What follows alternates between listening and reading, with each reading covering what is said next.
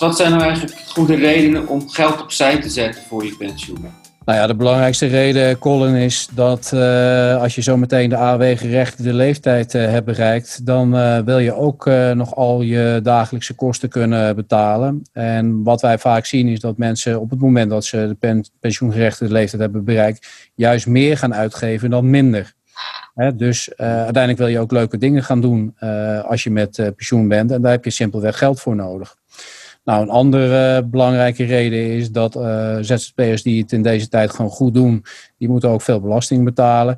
En door uh, pensioen te gaan opbouwen, kan je die belastingdruk verlagen. Want als jij inlegt op zo'n geblokkeerde pensioenrekening, dan mag je die inleg die mag je aftrekken van je inkomen. En je betaalt er pas belasting over op het moment dat je met pensioen gaat.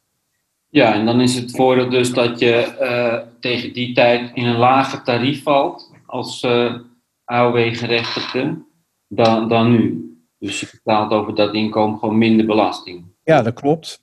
Um, want vanaf het moment dat je de AOW-gerechtigde leeftijd hebt bereikt, betaal je geen AOW-premies meer. Dus de belastingdruk is uh, een stuk minder.